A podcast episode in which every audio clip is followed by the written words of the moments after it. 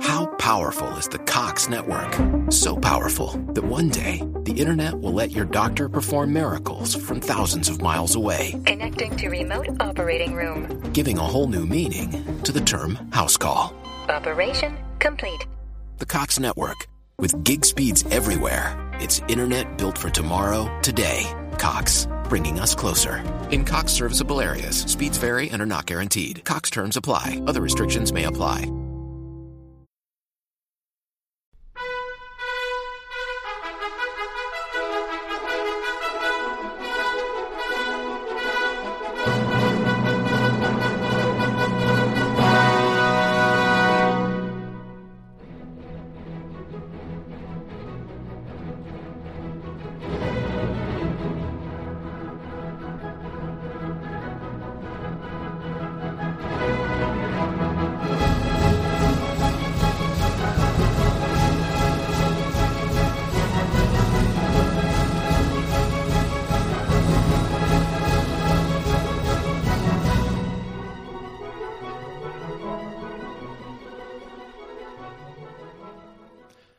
Fast våra länder skiljas från varann av berg och sjö och styras vart för sig. Vi är och lika fullt ett folk, ett blod och samma urbygd ammade oss alla. Välkommen till en ny vandring på gamla och nya stigar.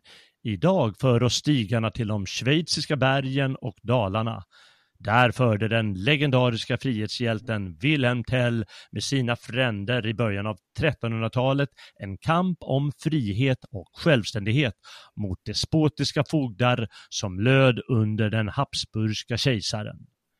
Genom den kampen upprättades det gamla schweiziska edsförbundet, en fri federation av schweiziska byar och städer. Vissa påstår Wilhelm Tell vara blott en uppdiktad gestalt, men vi andra ser honom som en sann folkhjälte, inte helt olik vår egen Engelbrekt.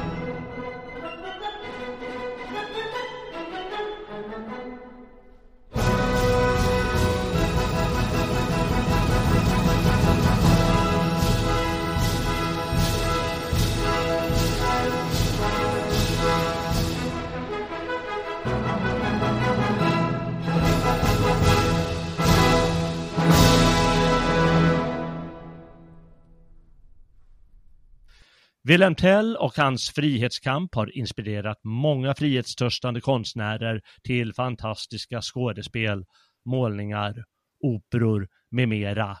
Och det mest kända bredvid Rossinis opera är just Schillers spännande skådespel från 1804. Det dramat, som heter Wilhelm Tell, är ämnet för dagens avsnitt på gamla och nya stigar med mig, Jalle Horn och med Robin Holmgren. Hej Robin! Tjenare och häll! Ja, tjenare och häll, ja. Nu blir det mycket häll här. Jajamän. Nu ska vi göra uppror. ja, äntligen! Äntligen ska despoterna få smaka. Jajamän, fram med armborsten. Ja, det gör vi. Ja, och eh, vi, vi, kämpar, vi kämpar ju för, eh, för fullt här eh, med våra inspelningar. De duggar tätt här. Ja, det är något intensivt. Mm, Mm. Ja, vi, det är ju semestertider så man måste ju lägga ut lite i förväg. Jajamän. Så vi får kämpa med det här i alla fall eh, och eh, då har vi gått till början av 1800-talet här, eh, den här sändningen som mm. vi ska klara av om Friedrich von Schillers drama Wilhelm Tell. Jag är så glad över att du föreslog det här dramat. För det, det här är någonting som jag hade velat lä- eller har velat läsa under en längre tid men aldrig kommit mig för. Mm. Um, alltså det... Så hela dramat är ju liksom fantastiska citat alltigenom. Alltså det, är så, det är så bra.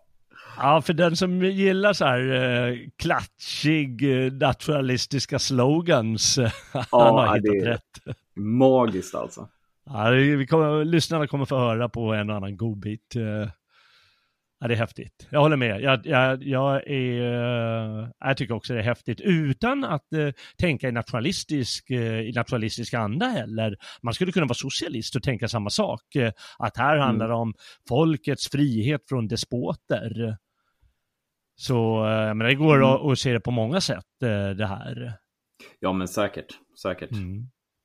Ja, eh, Schiller han levde alltså i slutet av 1700-talet och precis i början av 1800-talet. Han dog bara ett år tror jag efter att han skrivit det här 1806. Eh, Ganska tidigt, han var bara i 40-årsåldern.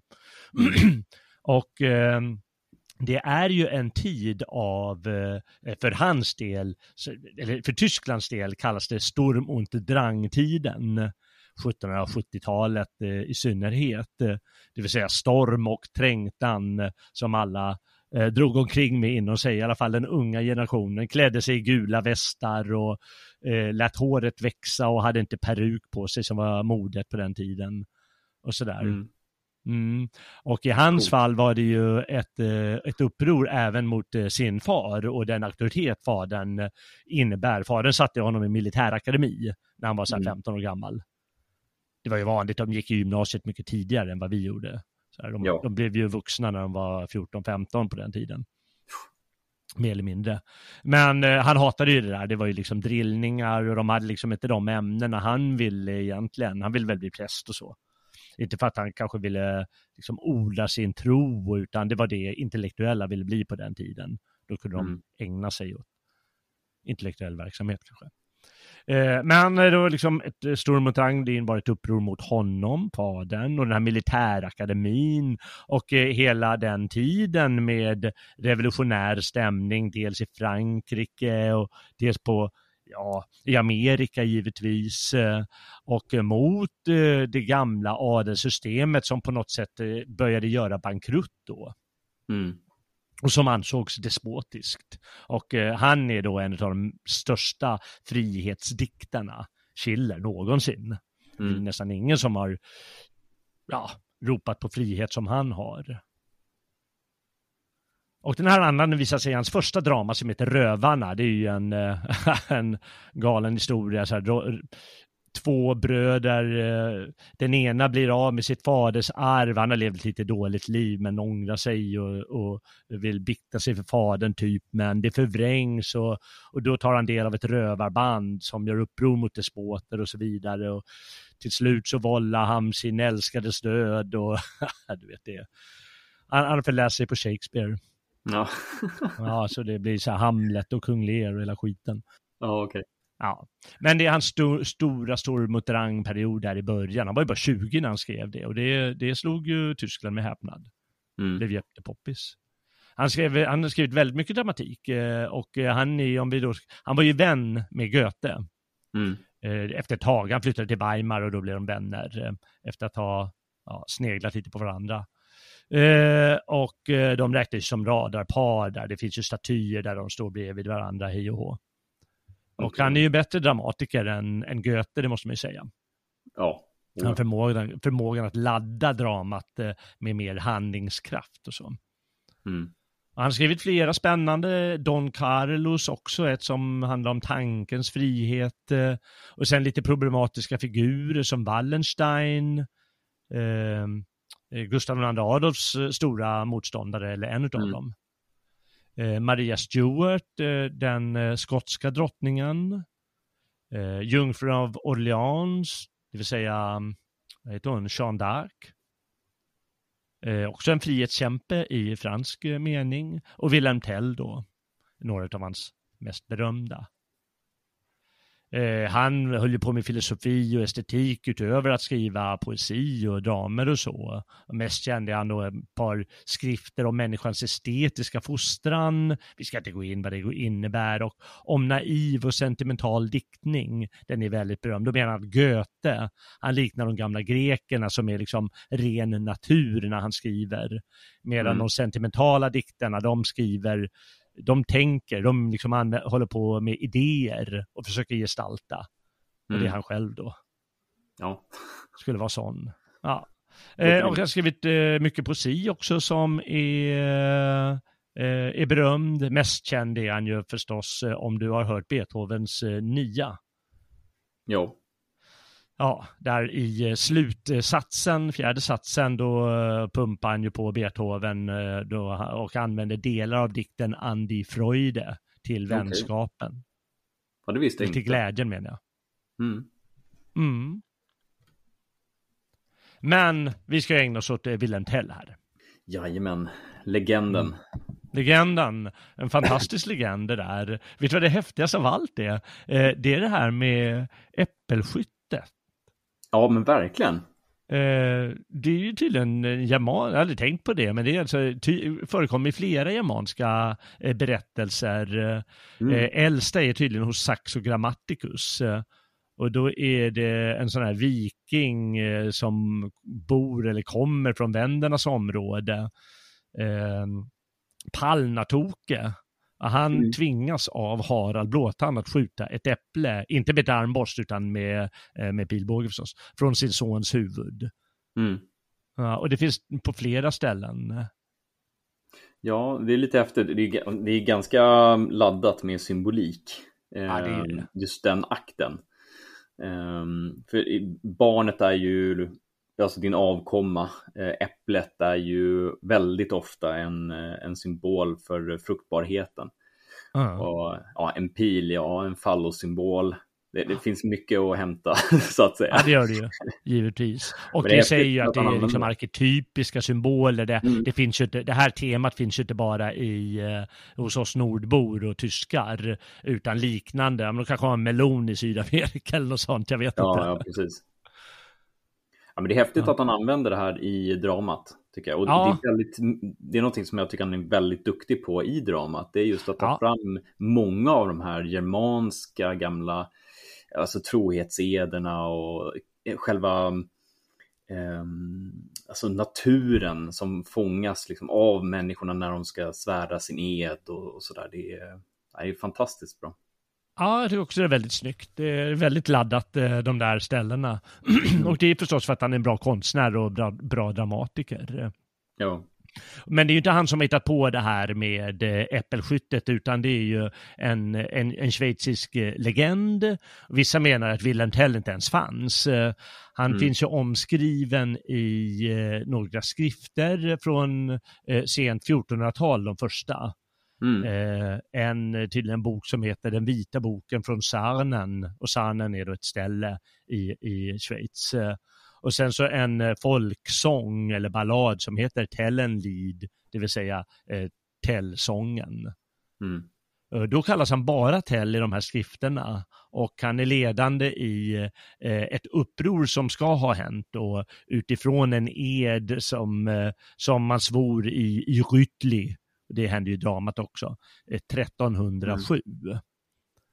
Och okay. Eh, då så stormade man lite borgar eh, och så småningom gjorde man sig fri och därifrån härstammar då det här schweiziska edsförbundet, den här konfederationen mm. av byar och städer och sådär, eller områden. Ja, det har ju hållit i sig rätt bra det där. Så det verkar ja, det har ju det. De, ett vinnande koncept. Ja, ja, verkligen. Det måste man ju säga. Det är precis som du säger, vinnande koncept. Och det häftiga är ju att det här är ju bara några årtionden eh, före samma sak sker i Sverige.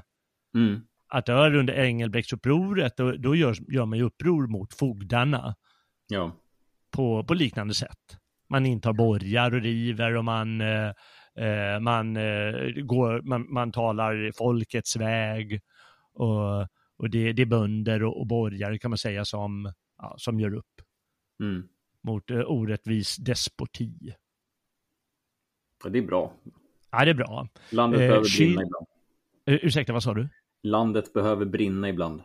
Det behöver brinna ibland och folket måste eh, väckas eller väcka sig själva. Mm. Ett bästa sättet att väcka sig själv det är ju att träffas på natten och ingå ett sånt här förbund och svära mm. en sån ed. Eh, nåväl, eh, Friedrich Schiller han bygger sitt drama på en, eh, en historiker hundra år senare, någon gång i slutet av 1500-talet. Eh, och en bok som heter Kronikon Helveticum. Helveter är ju ett gammalt eh, namn på gallerna i, i Schweizers område. Mm. Eh, och där finns det en massa, alla de här detaljerna finns med plötsligt. Tell har fått sitt förnamn Wilhelm, han har fått en födelseort, kommer inte ihåg var han förlägger den. Han är duktig bergsklättrare och fantastisk armbågsskytt, armborstskytt. Eh, tydligen har datum för den här äppelincidenten. Det är minsann den 18 november 1307. Ja. Eh, den här hatten som är på ett lindträd. Och historien är ju den eh, legenden att Gessler som var riksfogden i det här schweiziska området, han satte upp en hatt på en stång, eller en lindstång.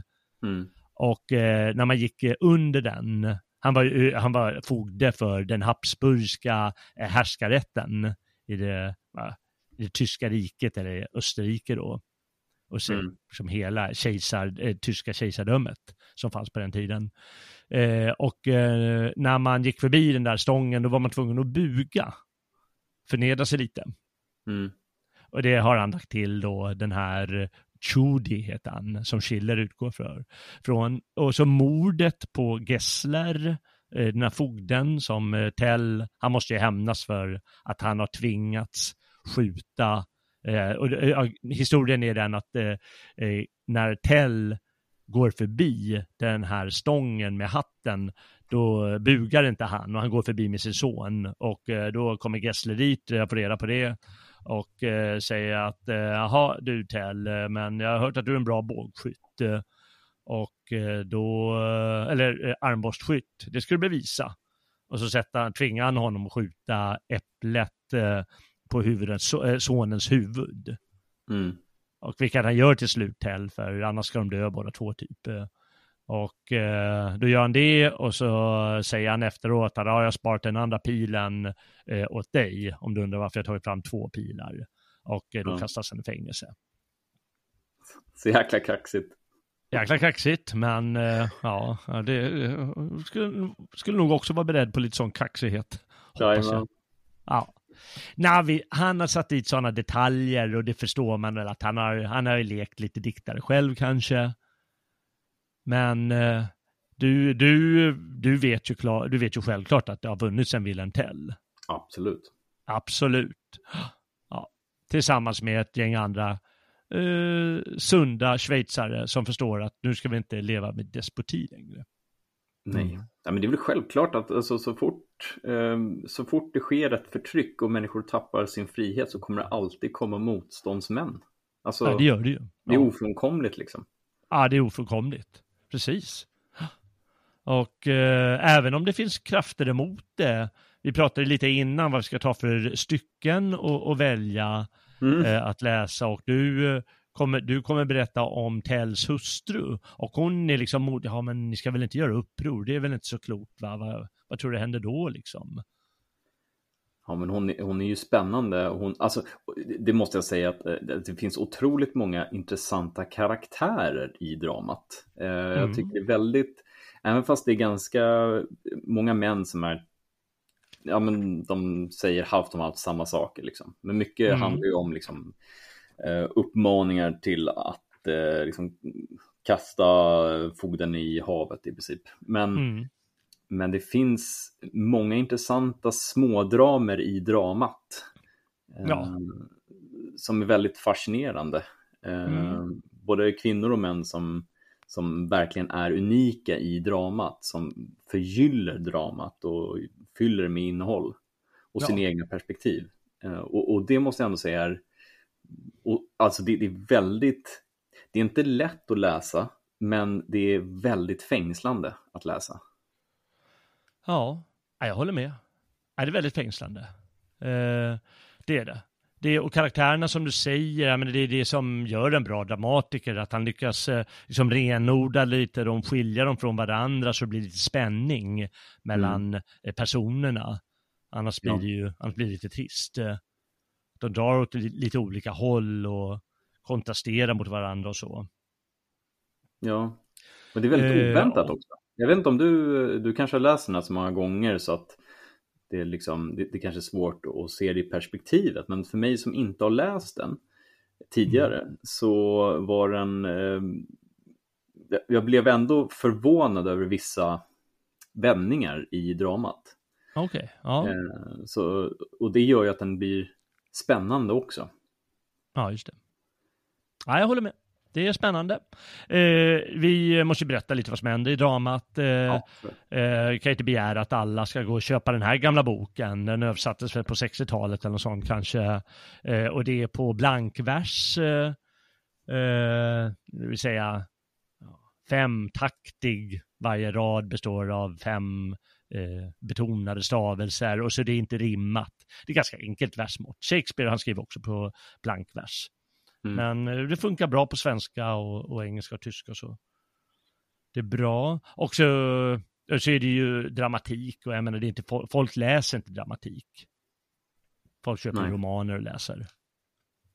Så det är bäst vi säger vad som händer och det är alltså följande. Och eh, då är det så här upprorstämning mot den här riksfogden Gessler i olika schweiziska områden och den här eh, Wilhelm Tell, han är jägare han räddar i början av dramat eh, en bonde eh, undan lite förföljare.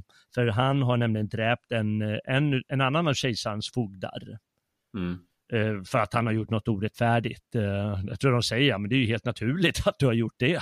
Det skulle ja, väl vem som helst ha gjort. Han gjorde otillbörliga närmanden mot hans hustru. Ja, just det, ja. Mm. Ja, men det är väl inte så konstigt att yxan kommer fram i det läget. Nej, klart man hugger fogden då liksom. Säger sig själv. Ja, det säger sig självt. Ja. Eh, nu ska vi se här. Just det, han räddade i alla fall den här bonden Baumgarten eh, ifrån det och eh, några bönder här, Stauffacher och eh, Melchtal. Eh, de måste också fly. Eh, bonden, eller fogdens olika knäktar uppsöker Tells svärfar eh, som är Walter Furst. Okej, okay. namnet spelar ingen roll, det är så många namn i den här. Ja. I alla fall, de ingår ett förbund eh, för att befria Schweiz och samla ihop en massa bönder från de här olika kantonerna som Schweiz idag fortfarande består av till ett mm. ting vid det här Rytli, ett ting som de håller på natten då för att göra det mm. extra laddat och spännande. Och där svär man att förstöra fogdeborgarna runt om i landet. Eh, eh, I synnerhet då de som Gessler härskar över. Mm. Albrecht Gessler tror jag han hette. Och eh, hos, eh, det finns en, en gammal friherre, en adelsman där, Attlingshausen i Schweiz. Eh, och eh, han, eh, nu ska jag säga, hans brorson Rudens, mm. kallas han bara för, Eh, det är väl hans efternamn, han har liksom övergivit sitt folk för att, eh, för att tjäna kejsaren och eh, av kärlek då till en Habsburgsk adelsflicka som heter Berta. Men hon, hon säger åt honom när, de, när han avslöjar lite som kärlek att men vadå, du kan ju inte överge ditt folk och då får han ju veta, då får han höra, får han en uppläxning liksom. Mm. Och eh, hon säger att han måste vända tillbaka till sitt folk eh, och endast det kan rädda henne egentligen från att bli bortskänkt till någon annan som Habsburgsk adelsman. Hon är mm. schweizare tror jag för övrigt.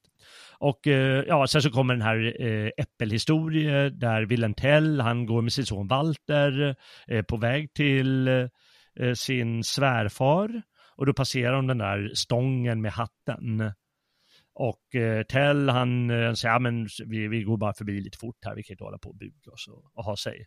Och eh, då uppträder Gessler och, och tvingar, tvingar honom att skjuta äpplet från sonens huvud. Mm.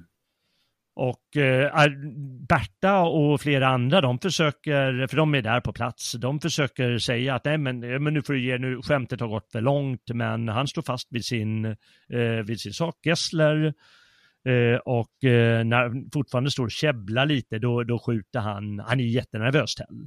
Mm. Han är jätteorolig, åh gud, kan du inte bara dö, ta fram svärdet och döda mig? Nej, då dödar jag båda två, säger han ungefär. Mm. Ja, så han har inget val och så skjuter han iväg den här eh, pilen och eh, eh den går genom äpplet. Jag måste, sonens huvud. jag måste komma in lite snabbt nu. Ja. Eh, någonting som är så häftigt där, det är att eh, hans son Walter, mm. han säger till sin far, skjut far, jag litar på dig, jag vet att du aldrig skulle skada mig. Just det. Det är väldigt, det, alltså, är så himla fint skrivet ja. alltså. Ja, ja det är starkt. Det, det ja. Uh, ja, jag är själv stum, stum av beundran för den unge sonen där. Mm. Men eh, då säger han, han blir ändå fängslad, eh, eh, Tell, när han säger att eh, den andra pilen var ämnad för eh, Gessler ifall han skulle råka döda sonen. Mm. Och eh, då ska han föras till ett fängelse på fogdens skepp. Men då bryter en storm och de missar att det kommer inte vi klara utan då, då släpper de honom fri så att han kan hjälpa till och styra vid mm. rodret. Och då passar han på när han kommer förbi någon klippa och smidigt hoppa i land då på klippan. Amen.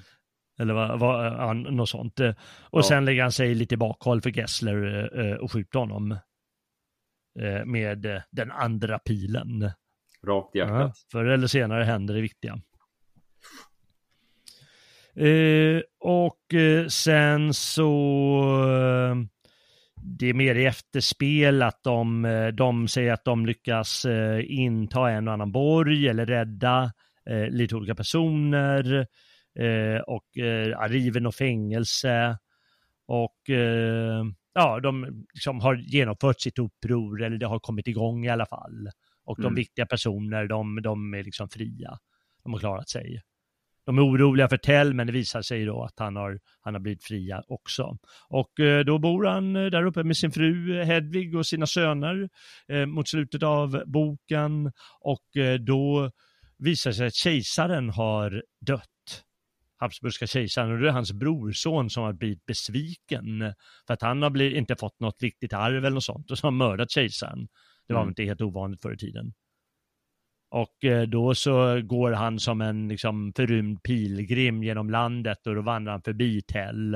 Och då ser man liksom den olyckliga, den som har misslyckats med sitt uppror gentemot den fria mannen som har varit delaktig i ett lyckat uppror. Ja. Som en sorts kontrast däremellan. Och Tell råder om att vandra vidare mot Rom och bikta sig eller något sånt. Och det är ju, det är också ett um ska man säga, alltså det, att det är skillnad på ett uppror och ett uppror. För ja. vad, alltså beroende på vad syftet är. Är syftet folkets frihet, då är det rätt. Är just syftet det. att du ska få mer grejer, då är syftet mm. fel. Ja, just det. Och frihet är ju, det är ju ett av Schillers, eh, eh det är väl hans viktigaste tema. Eh, och i det här fallet blandar jag även in liksom, det pratas om känslans kraft i hos folket. Eh, vi kommer att höra dem och hjärtats röst och, mm. och, och, och, då att kärleken mellan eh, den här Ruden som först har nästan sålt sig till kejsaren. Kärleken till Berta, den kan först fullföljas när han, eh, när han väljer folkets och frihetens väg.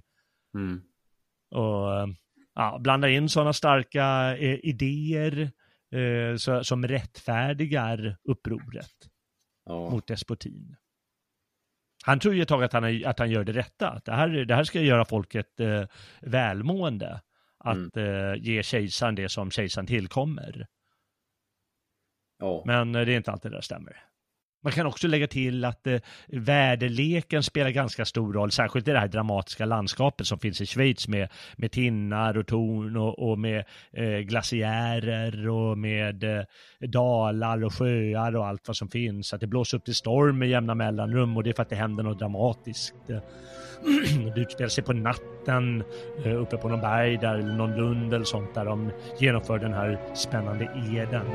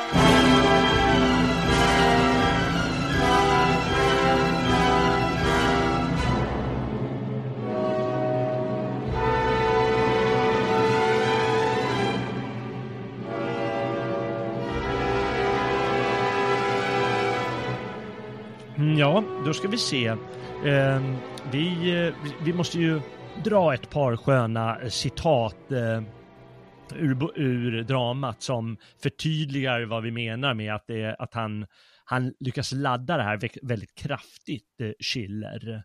Mm. Med folkets frihet. Eh, vi har ju skrivit, vi har ju velat eh, ta upp samma saker nästan. Eh, mm. Men ska du börja då? På 292 eller? Mm, ja, men du har ett ställe här 289. Det är lite före det.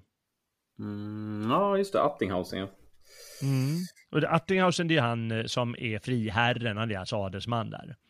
Precis. Och det är när han talar med sin Ruden, sin eh, mm. brorson. Mm. Då säger Ruden så här. Vad kan ett folk av herdar emot Albrekts härar? Varav Attinghausen säger. Lär känna detta folk av herdar, gosse. Jag känner det, har fört det an i strid och jag har sett det fäkta vid Favens. Det skola komma bara och försöka att lägga på ett ok som vi beslutat att ej fördra. O, att du kunde känna av vilken stam du är och icke kasta ditt väsens pärla bort för idel glitter. Att stå i spetsen för ett folk som lyder dig fritt och blott av kärlek och som håller oryggligt fast vid dig i kamp och död. Det är en adel, det att yvas över. Så återknyt de gamla kärleksbanden och slut dig tätt intill din fosterbygd. Den skall du hålla fast av allt ditt hjärta. Här har din kraft sin starka rot. Där ute i främlingarnas värld, där är du ensam, ett bräckligt rö som första storm kan bryta. O kom, du har ej sett oss på så länge. Håll ut med oss en enda dag, idag. Gå ej till Altdorf. Hör du ej, ej idag. Giv denna enda dag dig åt ditt folk. Mm. Alltså det är, jag ryser. Ja, du ryser. Ja. Jag tänker få en sån lektion. ja. Nej, makalöst. Ja, det är makalöst och det är ju en hel del sånt. Eh. Han, han har ju liksom valt fel väg och han inser det till slut, eh, den här mm. Rudens. Eh, och det här är väl första lektionen han får. Ehm, eh, jag har inte så långt, lite längre fram bara. Eh, och eh, då, det är väl under ehm, ehm, under den här eds sessionen som de mm. har i Rytli. Den är så bra. Och då är det en kille som heter Melchtal som säger Eh, varför säger han detta? Eh, hur har det gått i Untervalden? Är det någon som frågar. Vad tänker folket? Hur har ni undgått förräderiets garn? Och då berättar han, och det tycker jag är så vackert det här eh, först. Uh, ja, det är också kraftigt och vackert och då säger han Melstall, på öde isfält genom Sarnenfjällens vilda bergstrakt där inte ett ljud vårt öra hör förutom lammgamens hesa rop kom jag till säten där herdarna från Engelberg och Uri har en gemensam betesmark och hälsa från skilda håll med välkomstrop varandra. Där släckte jag min törst med gletschermjölk som kväller skummande i isens rännor och i de tumma, tomma herdekojorna var jag min egen både värd och gäst. Så nådde jag till sist befolkad bygd, man hade redan sport i dessa dalar, det sista fasansfulla nidingsdådet och mötte mig till vilken dörr jag kom med stilla vördnad för mitt olycksöde. Jag vet inte om det är hans far eller någonting som, som har råkat ut för något eller hans familj.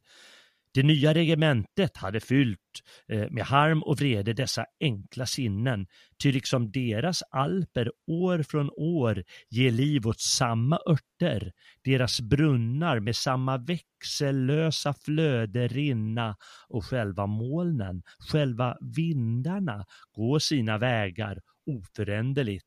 Så har de gamla sederna bestått från far till son och hava aldrig skiftat. För nya hugskott har de ingen plats i livets jämna vedertagna gång. Ja, de räckte mig till handslag sina händer. De rostbelutna svärden tog de från väggen ner och deras ögon glänste av mod och av förtröstan då jag nämnde de bägge namn som är heliga för varje man bland bergen, ert och hans, herr Walter Fürst.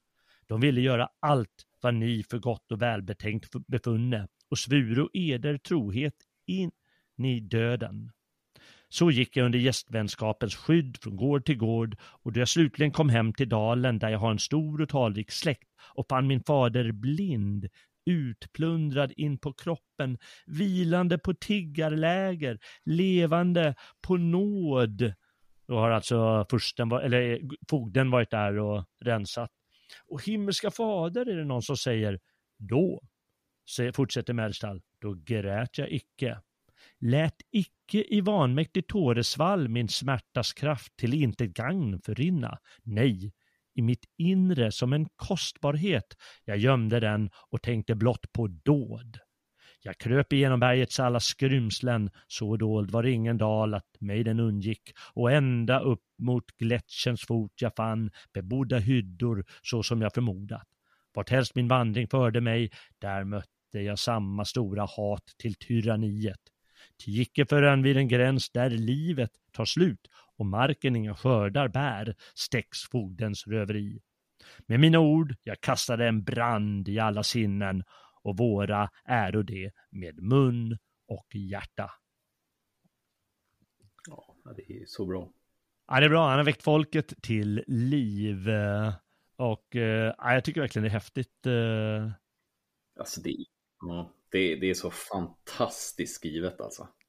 Ja, det, det är faktiskt ja, det är häftigt.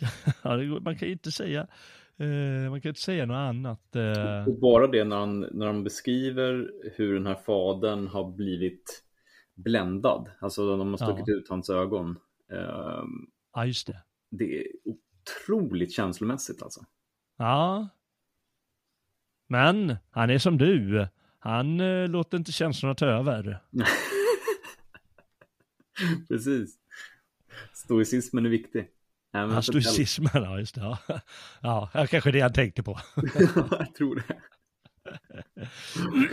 Nej, men de fortsätter i alla fall eh, det här eh, Eds-mötet. Eh, och här kommer då det centrala partiet att visa hur, eh, hur, hur Schiller tänker sig eh, folket. Eh, och eh, egentligen vill jag ta ett stycke till innan det, men det blir lite för mycket av det goda. Så jag ska faktiskt ta eh, ett längre stycke här ändå, men, eh, men det är det centrala tycker jag. Ska jag hitta det? Jo, då ska vi se. Man reser upp två svärd framför, om det är fursten där eller vilken det är. Eh, en ring bildas runt omkring Schwytz i mitten, Uri till höger, Unterwalden till vänster. Och han står stödd mot sitt slagsvärd. Eh, Reding heter han, en kille här. Och då säger han, vad är det för ett mål som sammanfört de tvenne stammarna i Gastas timme? Eh, vad vid ogästvänlig kust? Vad vill det nya, det under stjärnor stiftade förbundet? Och då kom en gubbe som heter Stauffacher. Vi stiftar inte ett nytt förbund, det är tvärtom ett gammalt ifrån fädrens tid som vi förnyar blott. Edsvurna bröder. Fast våra länder skiljas från varann av berg och sjö och styras vart för sig, vi är och lika fullt ett folk, ett blod och samma urbygd ammade oss alla. Och då säger en annan, är det då sant som det står i visan att vi har kommit från ett fjärran land? Förtälj på det att vårt förbund, det nya, må hos det gamla hämta liv och kraft. Och då berättar Stauffacher, hör vad de gamla herdarna berättar. Där bodde högt mot norr i midnattslanden. Det är, det är du och jag han berättar om. Amen. Eller hur? Vår Amen. bygd. Där bodde ett väldigt folk och det led bitter brist. Då blev på tinget denna lag besluten. Var tionde av folkets hela mängd på vilken lotten föll var dömd att lämna för alltid sina fäders land. Det skedde.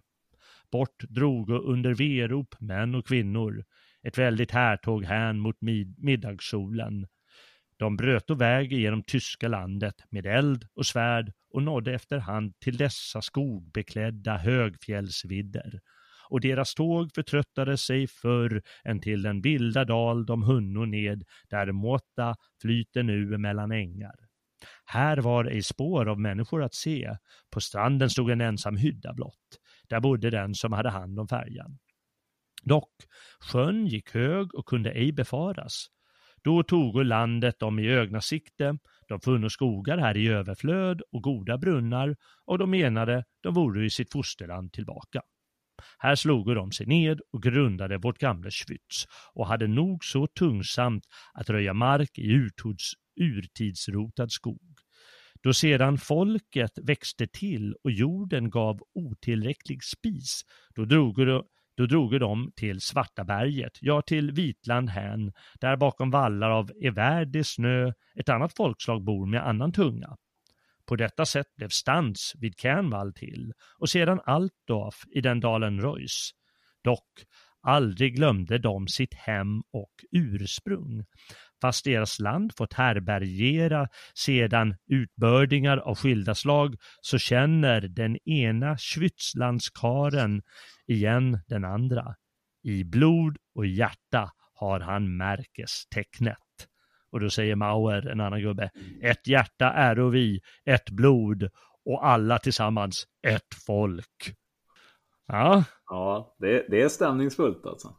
Ja, det jag, jag, tycker det är häftigt och jag kan ju tänka mig att alla, alla som är lite nationellt sinnade och så, de, de, de måste ju rysa när de hör det här. Jajamän. Annars har, de, annars har de dålig smak. Jag tycker det är spännande att han tar upp eh, hela det här med att Norden är som att det är så många folk i Europa som kommer härifrån ursprungligen. Jag ja, just det, det, är en ja. häftig myt i sig. Ja, det är ju en gammal tradition. Den går ju tillbaka till eh, antika författare. Ja. Eller senantika författare. Ja. ja, så är det.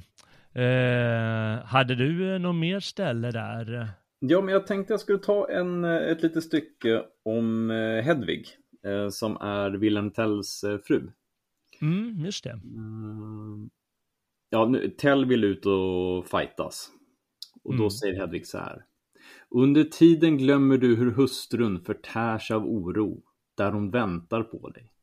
Jag fylls av skräck då drängarna berätta om dina fäders alla vilda vågspel. Mitt hjärta krymper ihop vid varje avsked av ångest att det kanske är det sista. Jag ser hur du går vilse ibland bergen. Du gör ett felsprång mellan tvenne klippor. Du störtas ned vid stengetsflockens anlopp.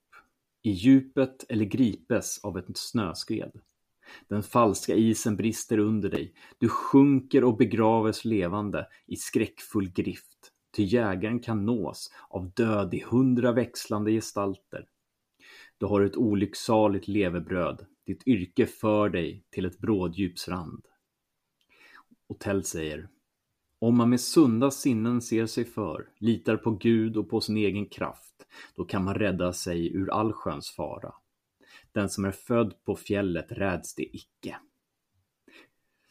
Alltså, det, det som jag tycker är så spännande är det att eh, Hedvig är ju moden främst. Mm. Mm. Eh, och det är självklart att hon är liksom livrädd över att mista sin man och sina två söners far. Mm. Um, och, och, det är någonting som sällan kommer fram, tycker jag. Um, mm. I olika verk, oavsett om det är romaner eller draman då. Uh, mm. Och det är just att om, om mannen lämnar hemmet för den här frihetstanken, mm. ja, vad händer om han kolar vippen? Då står hon ju mm. där själv. Um, och det där har ju säkerligen varit en, en konflikt, ett konfliktfyllt samtal sedan urminnes tider mellan man och kvinna i, i ett äh, äktenskap. Ja, ja verkligen. Mm. Eh, vi hade ju Njals saga för eh, ett par tre veckor sedan. Eh, mm. Och där, eh, där var det ju flera kvinnor som liksom pushade sina män snarare att nu får du gå ut och göra upp om det här. Vet du. Ja. Och där, där var det lite motsatsen, där kommer jag inte ihåg om det var någon kvinna som hade den här rollen. Men givetvis har båda delarna funnits. De som, ja men nu ska du gå ut och hämnas mig eller för den här oförrätten, eller vår mm. familj. Och så har det funnits de som, ja men du stannar hemma, är du snäll. Ja men precis, alltså kvinnorna i Njals saga är väl kanske mer eh, beroende av eh, äran och heden. Eh, mm. Så de, de, de, har liksom, de, de, lever ju inte förtryckta. Där är ju ingen Nej. som liksom betalar skatt eller någonting sånt där, liksom, utan de är mm. redan fria. Men, men i ett sånt här stort krig, då, då, då kommer det dö ganska många människor. Liksom.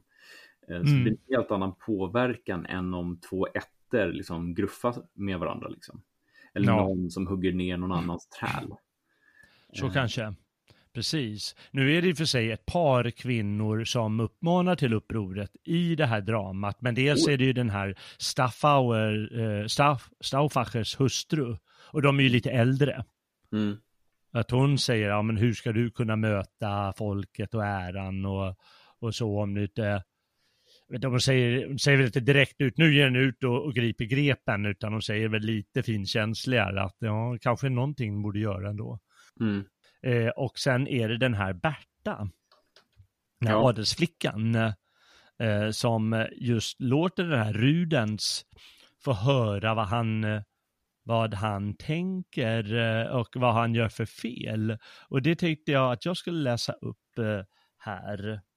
Då har han, eh, då har han försökt förklara sin kärlek lite och ja, han vill komma upp sig lite och bli riddare och sådär och få förtjäna hennes eh, kärlek. Men då mm. svarar hon så här, står det dessutom i texten allvarligt och strängt. Ja. Kan ni om kärlek tala och om trohet som trolösa är mot edra högsta plikter? Tar han ett steg tillbaka. Ni Österrikes slav som säljer er åt främlingen, ert folks förtryckare. Och då svarar han, av er min fröken ska jag höra sådant. Er är det som jag sökt på denna sida. Och så säger hon, va? Ni har trott mig stå på svekets sida, förräderiets. Hellre åt förtryckaren, åt Gessler, går jag väl då min hand än åt den blodsförgätne son av Schweiz som till hans låga verktyg sig förnedrar. Och då säger Naruden, så gud vad är jag dömd att höra? ja, det får han allt höra då. Säg, säger hon, finns det väl någon större kostbarhet för ädla sinnen än det egna folket? Och givs det månne någon högre plikt än att beskärma den förtrycktes rätt? Mitt hjärta blöder för ert folk, det lider det svåra vånda, ty jag har det kärt, så blygsamt som det är, i all sin kraft. För varje dag jag vördar det allt mer. Men ni, som av natur och riddarplikt bestämts till dess försvarare och skydd, men svek dess sak och hjälpte fienden att smida kedjor åt ert eget folk, ni, ni har kränkt och sårat mig, och svårt blir det för mig att icke hata er. Och då säger han, jag vill ju dock det bästa för mitt folk, vill ge det fred och trygghet under Habsburgs mäktiga spira. Och svarar hon, slaveri, det vill ni beskära det, vill jaga friheten ut ur dess sista tillflyktsord på jorden. Långt bättre fattar folket själv sin lycka, dess säkra instinkt dåras ej av sken. Ni åter, ni går aningslös i nätet. Berta, ni hatar, ni föraktar mig, det vore, det vore bättre om jag gjorde det än att se den föraktad och föraktlig som helst jag hade velat hålla kär. O Berta, Berta, visar ni med himlen av ingen annan grund än för att störta så mycket djupare mig ned? Nej, nej, säger hon, det ädla är ej helt och hållet dött hos er, det slumrar bort blott och jag ska väcka det upp på nytt. Ni måste bruka våld för att förstumma dygdens röst inom er. Dess bättre, den är starkare än ni och ni är god och ädel trots er själv. Och då menar hon alltså att hon kan väcka honom och få på nya tankar och då liksom adla sig själv. Mm. Mm, och välja rätt väg. Ja, det är bra. Bra kvinna. Ja, det, det är bra liksom. Det, där håller hon ett, ett sunt tal. Uh, ja, det får man verkligen säga. Men det är väl typiskt en kåta herren som vill ha kvinnan liksom. Ja, precis. Sälja bort allt för att få ligga. Det är ju som... för att få ligga, ja. Han vill ha kärlek. Jag är också feminist. Jag är en snäll kille. Ja, du är lite hård, han vill väl ha kärlek av henne. Han tror att han ska vinna henne och uh, att allt ska bli bra ändå. Ja, okay. Men du har helt rätt, han är den där, han är lite symbol för uh, den där, ja, men det gör väl ingenting om, uh, jag vet inte vad. I vår tid finns det väl fullt med sådana. Jajamän. Ja, det är sorgligt. Eh. Men de är ju sunda, starka bönder och, och herdar som du berättade. Eh, och jag har en, en sista passage eh, mm. eh, som jag tyckte också var stark. Eh, och det är den här eh, Attinghausen och eh, Stauffacher. Attinghausen var ju, han var ju friherren, adelsmannen, och de pratade med varandra. Mm. Och eh, då säger han han har hört hur det har gått eh, när de har gjort sig fria.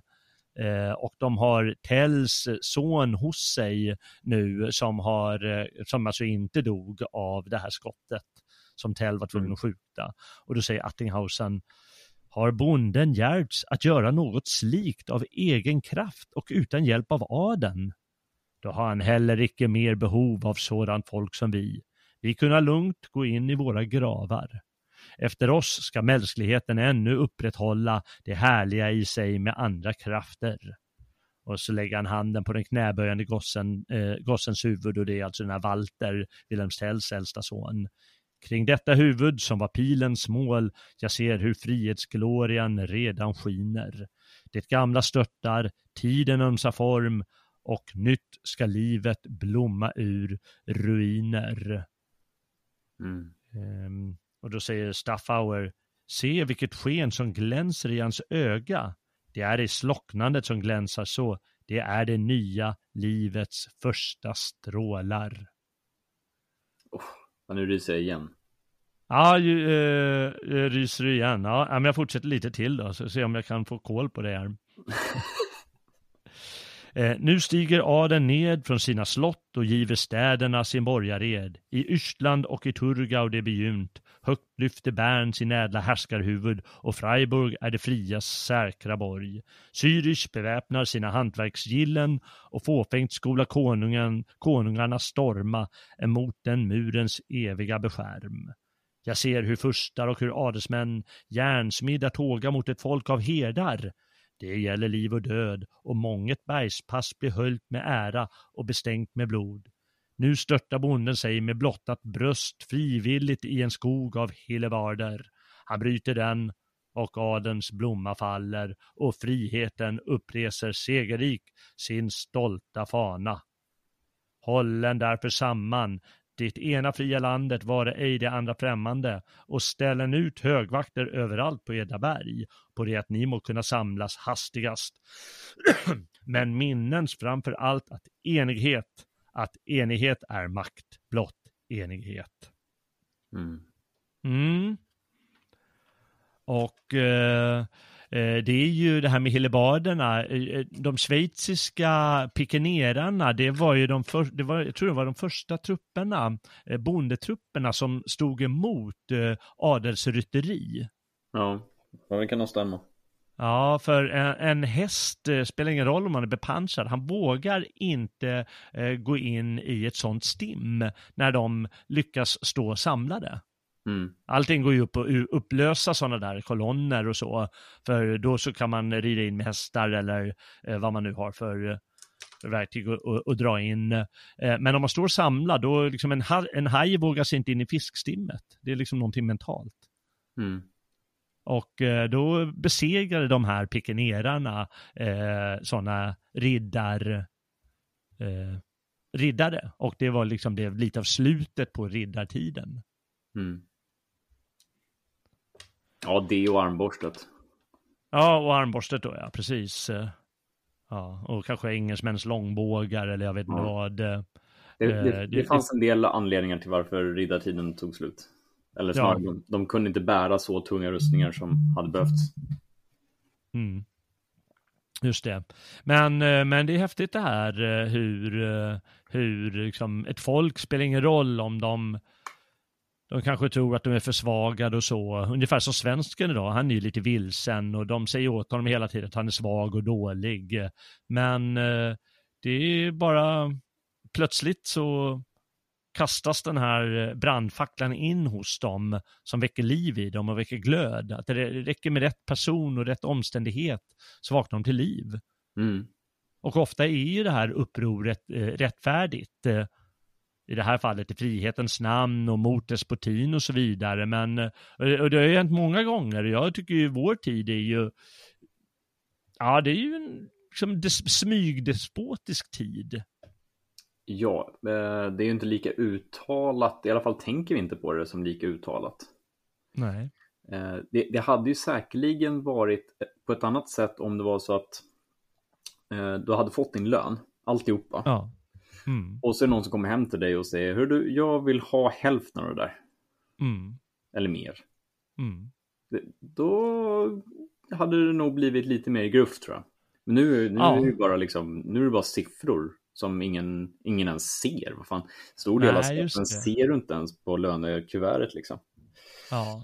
Att, och eh, dessutom lever vi i en sån eh, liksom, fragmentarisk tid där vi inte riktigt har insyn i vad som händer den ena eller den andra. Nej, men precis. Ja, men det, det, dör ju människor i, i sina hushåll utan att eh, ja, det händer något på tre månader. Mm. Och, eh, och vi läser inte sån här litteratur längre heller. Och vi vet ingenting om Engelbrekt. Vi, vet, alltså, vi, vi, kan så lite om vår egen historia eller våra egna kulturella uttryck av mm. historien. Mm. Ja, nej, det är sant. Eh, men man, man ska göra klart för sig att det var ju sånt här som odlades för inte alls länge. Sossarna till exempel, eh, de gjorde ju Engelbrekt till en hjälte. Mm. Sin hjälte. Precis. Med rätten att, för att liksom försäkra sig rätten att eh, på sitt sätt göra uppror mot eh, det de menade var härskarna. Mm. Och människor idag, de ser ju trots allt på till exempel eh, Hollywoodfilmer och så, och sådana filmer. Och många av de här filmerna handlar ju om så, frihetskämparna som kämpar mot en despotisk övermakt många gånger. Mm. Så det är inte så att de ideologiskt sett eller berättelsemässigt inte får den sortens berättelser. Men de saknar något perspektiv, de saknar, människor saknar väl insyn i sig själv och sin omgivning. Mm. Och glömmer att, eh, jag menar jag ser det ju, man, man, ser ju varje dag, jag tänkte på det förut idag, jaha, här har, här har Hassan och hans fru och där är, jaha, ännu en, Ali och hans fru, de har fått, jäklar, de har fått en sån här fin townhouse. Mm. Vet, jag vet, ju, vet ju alla att det är ju kommunen som, eh, som betalar för dem. Ja. Som betalar hyran. För jättemånga. Och det betyder ju att ja, men det är ju en tysk familj som har gått miste om det där. Och vi vet ju att det, det har ju nästan aldrig funnits så mycket fattigpensionärer, eller i alla fall inte på flera årtionden, mm. som det finns idag i Sverige. Så den finns den där fattigdomen och de finns de där orättvisorna. Det är bara att det, det flyter undan än så länge. Ja, Ja, det är bra galet alltså. Ja, det är lite galet, men uh, ja, jag tror att de eh, ska passa sig, uh, uh, härskarna. Jag tror att de, de gör det också. De är liksom hela tiden tänker hur de ska stävja det som kan komma. Mm. Någon gång måste ju folk tröttna, annars går de ju bara under till slut. Om, vi, om nu ja. det här folkutbytet och allt vad det är, om det, ska besann, om det kommer besannas. Och allt talar ju för det. Ja, men det är just därför det är liksom... Ja, demografin är emot oss där. Um, men jag är övertygad om att svensken i sig aldrig kommer att dö. Men det kommer ju bero på att det kommer finnas tillräckligt många män och kvinnor som står upp för det rätta. Eh, mm. Och sluter sig samman och skapar någonting nytt och bättre. Eller ja. snarare lever vidare fri, frihetstraditionen. Ja. Eh, som har liksom väldigt aktivt och framgångsrikt tystats ner. Ja, just det. Eh, så det är egentligen bara en fråga om tid och inställning. Men mm. eh, ingenting händer ju om man inte själv agerar så att säga. Eh, Nej. Och Tell är ett ganska bra exempel på det. Mm. Eh, han säger ju vid något tillfälle där att eh, min arm står alltid redo mot tyranniet. Just det. Och eh, om man nu skulle jämföra det med idag, så ja, det har varit många, mycket snack genom åren under alla år som jag har varit eh, nationell och delaktig i oppositionen. Mm. Att ja, men jag finns där på barrikaden. Ja, men det är liksom inte på barrikaden det avgörs, utan det avgörs i vad du gör dagligdags. Eh, mm. Det handlar om liksom din inställning till livet, vad du gör. Gör du någonting för dig själv eller din familj eller ditt folk varje dag? Jag, jag tror inte att människor tänker så, utan vi, vi är så vana med vårt liksom 8 5 jobb. Och sen kommer vi hem, tittar på tv och liksom, ja, jag vet inte, glömmer ja. bort syftet med livet. Ja, det, det, är väl lite så. Och många gamla de tänker ja, nej, men jag har ju haft det bra i livet. Jag, jag, men på vanligt svenskt vis, jag kan inte klaga jag. Jag är inte den som klagar mm. och det, det ligger i vår, eh, vår, vårt folklynne att inte göra det hur som helst. Nej, utan det måste ju till något eh, större skeende för att folk ska vakna, som någon, eh, någon eh, ordentlig politisk orättvisa av något slag. Men, jag vet inte vad, vi kan ju bara ta någonting i, i vårt fall om, om, om vaccinet skulle slå bakut. Mm. Och det visar sig att, det, att uh, härskarna visste om det. Jag menar, då, då kommer ju folk att lacka ur, så att säga. Ja, men ja, och det finns ju tillräckligt mycket. Det, det, det är inte det. tillräckligt mycket menar du, eller? Nej, alltså jag, jag tror inte... Jag, jag, tror att helt enkelt så kommer det finnas för många människor som har tvingats eh, genomgå, eh, om, om vi tar ett större perspektiv, alltså mångkulturen och, och med det mm. ta in allt. Liksom. Mm. Eh, det kommer finnas för många offer mm. som ledsnar på att vara offer. Ja, just det. Så ju hårdare förtrycket blir, desto fler frihetskämpar kommer också födas. Ja. Eh, och jag tror det är det som staten vet. Och, och därför mm. tycker de ännu hårdare, just för att kunna få eh, i lagteknisk mening fler verktyg för att förtrycka de som höjer sin röst helt enkelt. Ja, just det. Ja. Och snarare inte bara höjer sin röst utan även höjer sin näve. Mm. Eh, så att, ja, det, det, kommer alltid bli mer förtryck tills det blir för mycket för tillräckligt många. Mm. Um, så är det. Och sen, ja, ja. Jag, tror, jag tror i ärlighetens namn inte att som, alltså som Wilhelm Tell, han skjuter ju en fogde och, och sen liksom, sen var det bra. ja, ja, det är sant. Um, jag, jag, jag, tror att uh, Sverige AB, eller Västerlandet AB, um, kommer bara liksom, heter vittra bort jag, jag, tror inte alls på det här stora liksom, monumentala slaget eller att nu tar vi våra hagelbockar och går ut på gatan. Det, det, det köper liksom inte. Nej, nej, det, det, historien den tar sådana bisarra vändningar som man kan inte fatta det. Så det kommer bli något eh, helt annat än vad alla tror det som kommer hända. Ja, men precis. Och vi kan väl kanske inte spekulera här. Men eh, jag tycker att det är i alla fall viktigt, eh, som du sa, att man får inte tappa, tappa kontakten med sig själv. Mm. Eh, som de påminner många gånger i det här dramat. Eh, och eh, som vi har anledning att, att påminna varandra i historisk mening om våra, vår historias berättelser eller vad det nu kan, få, eh, kan vara som ska få oss att hålla gnistan och glöden vid liv. Mm. Och inte kanske tryckas ner mer och mer och mer och mer. Mm. Och det är i alla fall viktigt att eh, hålla vid liv. Ja. Tycker oh ja. jag. Mm. Och sen så får vi väl se vad tiden bjuder på. Eh, och då, ska, då är det viktigt att vara redo som, som, som du sa att eh, Tell är. Ja, men eh, min, min arm står alltid till förfogande.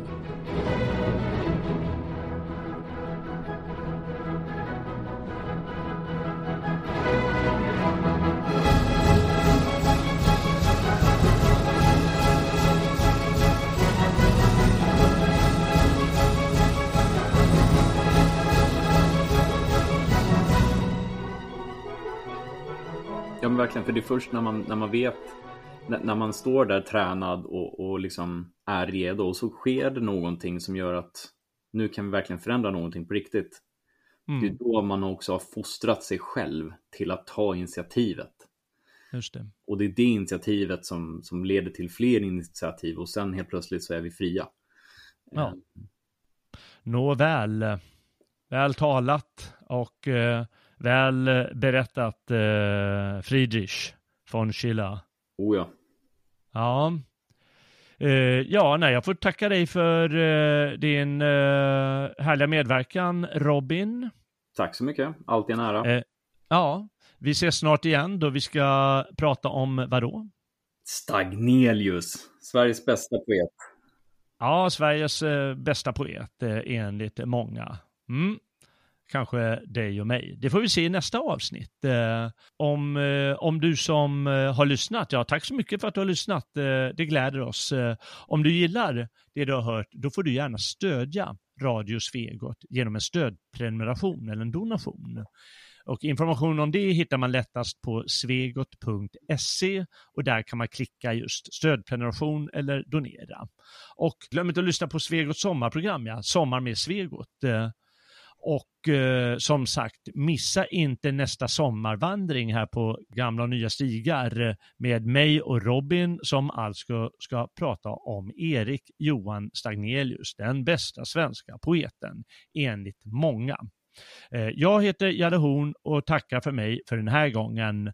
Jag hoppas att vi ses på stigarna snart igen. Tills dess, väl mött frände.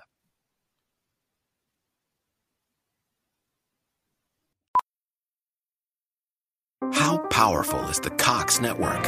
So powerful that one day the internet will let your doctor perform miracles from thousands of miles away. Connecting to remote operating room. Giving a whole new meaning to the term house call.